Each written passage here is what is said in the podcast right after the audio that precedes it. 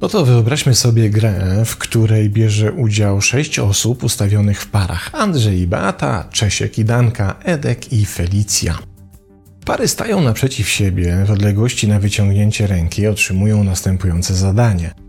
Za chwilę zostanie im wręczony pewien przedmiot, którego mają jak najszybciej się pozbyć, przekazując go drugiej osobie. W trakcie tej gry będzie zaś odmierzany czas, jednak w sposób niewidoczny dla par po którego zakończeniu usłyszą głos dzwonka sygnalizujący koniec rozgrywki.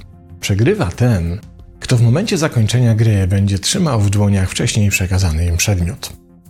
Żeby zaś przyspieszyć zabawę i uczynić ją bardziej atrakcyjną dla postronnych obserwatorów, przedmiotem tym będzie gorący ziemniak. Czas start i kartofel trafił na początek w ręce losowo wybranej osoby z danej pary.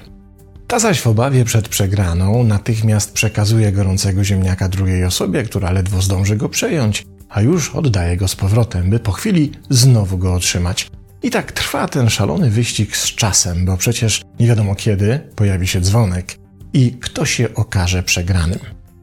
W tym momencie zróbmy stopklatkę w tym morderczym wyścigu i przyjrzyjmy się koncepcji psychologa doktora Weissa specjalizującego się w psychologii relacji, autora książki Mężczyźni bojący się kobiet, który proponuje spojrzeć na rozgrywkę z kartoflem jak na rodzaj relacyjnej gry, zachodzącej pomiędzy heteroseksualnymi małżeńskimi parami, których interakcyjne poczynania dr Weiss śledzi od wielu lat swojej psychologicznej praktyki.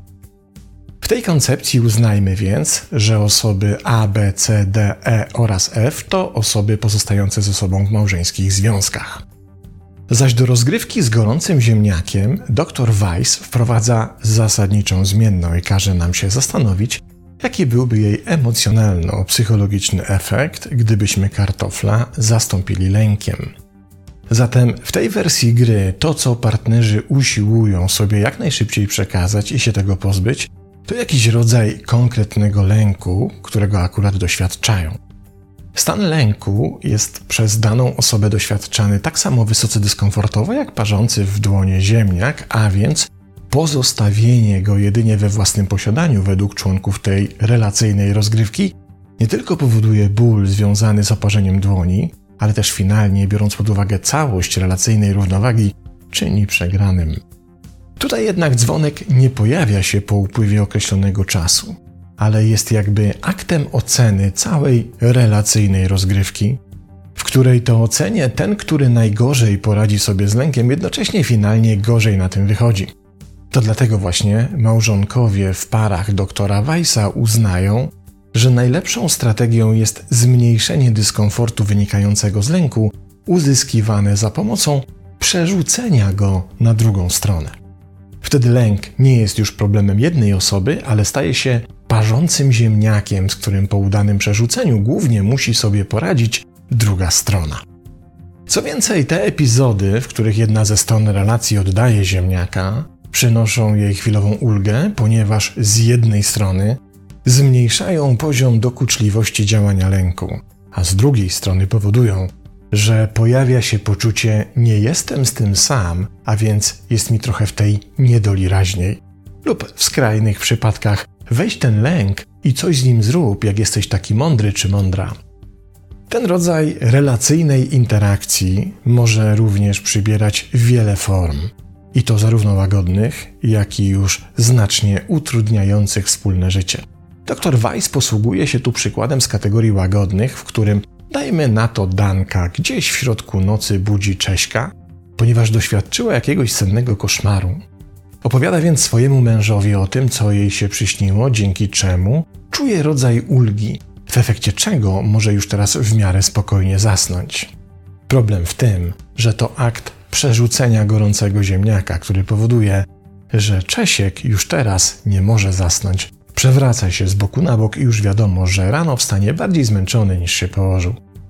I to nawet nie chodzi o to, że Czesiek zalicza bezsenną noc, bo dręczą go te same co Dankę koszmary, ale o to, że przerzucenie tego kartofla spowodowało wprowadzenie do systemu Cześka na tyle dyskomfortową zmianę energetyczną, że uniemożliwia mu ona ponowne zaśnięcie.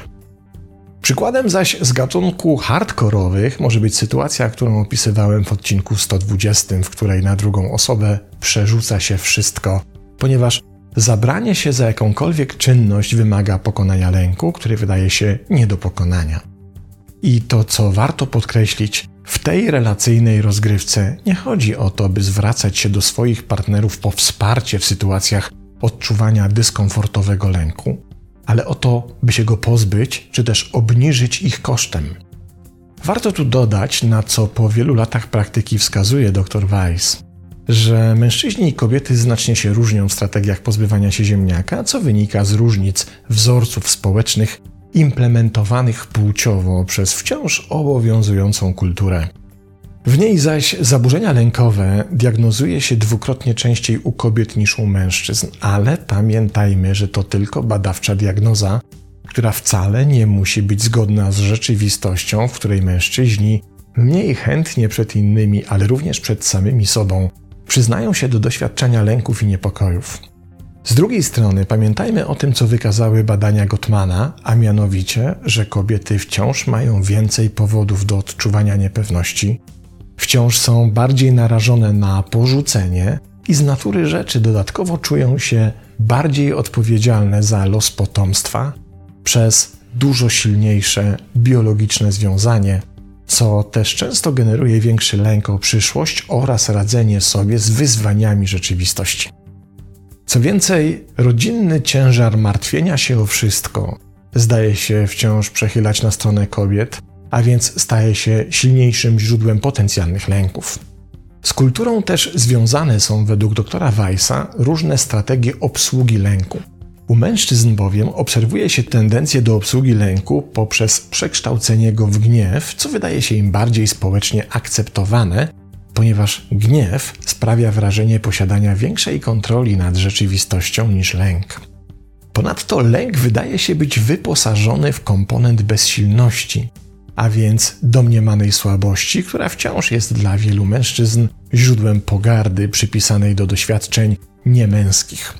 Stąd w wielu związkach, w których przerzuca się gorące ziemniaki lęku, kobiety traktują lęk jako narzędzie zwrócenia uwagi swoich partnerów, na ich potrzeby emocjonalne, a mężczyźni przyjmują postawę osoby odpowiedzialnej za zarządzanie lękiem partnerki, więc przejmują ziemniaka, jednocześnie próbując się go natychmiast pozbyć przez uruchomienie całego wachlarza destrukcyjnych dla relacji emocji, co niestety w żaden sposób nie rozwiązuje problemu.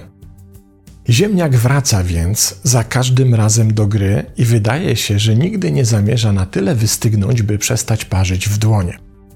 A teraz zostawmy doktora Weissa i jego badania nad płciowymi różnicami obsługi lęku i spróbujmy wrócić do naszej szóstki, czyli trzech par, jednak z tą różnicą, że przypiszmy im zupełnie inne interakcyjne role. Niech teraz Andrzej będzie dorosłym synem już samotnie spędzającej emerytalne życie Beaty. Niech teraz Cześka i Dankę będzie łączyła zależność służbowa, w której Danka jest szefową, a Czesiek jej zaufanym pracownikiem. Edek i Felicja z trzeciej pary niech tym razem będą dwójką bliskich przyjaciół, ale jednocześnie bez jakichkolwiek konotacji romantycznych czy seksualnych.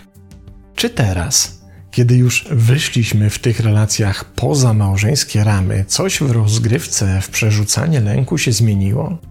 Otóż niezbyt wiele i to z prostego powodu. Gra w ziemniaka nie jest reprezentatywna jedynie dla związków romantycznych, ale w różnych natężeniach pojawia się w ogólnej dynamice relacji. We wszystkich jej odmianach i formach, niezależnie od tego, jaką relacyjną konfigurację byśmy sobie wymyślili. Problem jedynie w tym, że jest dokładnie tak samo destrukcyjna dla danej relacji, niezależnie od tego, na jakim fundamencie ta relacja została zbudowana. Kiedy przekazujemy ziemniaka drugiej osobie, by dzięki temu się go pozbyć, czy też sobie ulżyć, to ten akt jeszcze nie powoduje, że temperatura ziemniaka się zmniejszy i że przestanie on nas parzyć. I owszem, przecież prawa fizyki są nieubłagane. W końcu ziemniak wytraci swoją temperaturę i nie będzie już tak dotkliwy jak na początku. Jednak do tego czasu może wywołać już tyle szkód w relacji, a mówiąc obrazowo, tyle oparzeniowych bombli na dłoniach, że przyjacielskie uściśnięcie ręki nie będzie już możliwe. Kluczem do rozwiązania jest nie to, że jedna strona przegrywa, a druga wygrywa, bo wtedy oceny zwycięstwa czy przegranej trzeba by było dokonać jedynie na podstawie wielkości i objętości poparzeń, czyli szkód. W tej rozgrywce tak naprawdę nie może być wygranych i przegranych. Wszyscy przegrywają. Problem bowiem nie tkwi w tym, jak się pozbyć ziemniaka, przerzucając go na relacyjnego partnera, ale jak wspólnymi siłami solidarnie obniżyć jego temperaturę, czy też uzbroić się wspólnie w odpowiednie rękawice, które będą chroniły dłonie. Zresztą rodzaj przybranej strategii nie ma tutaj takiego znaczenia jak jej skuteczność mierzona wspólnym wysiłkiem. Bo najszybciej obniżyć temperaturę kartofla można wtedy, kiedy dmucha się na niego wspólnie. Pozdrawiam.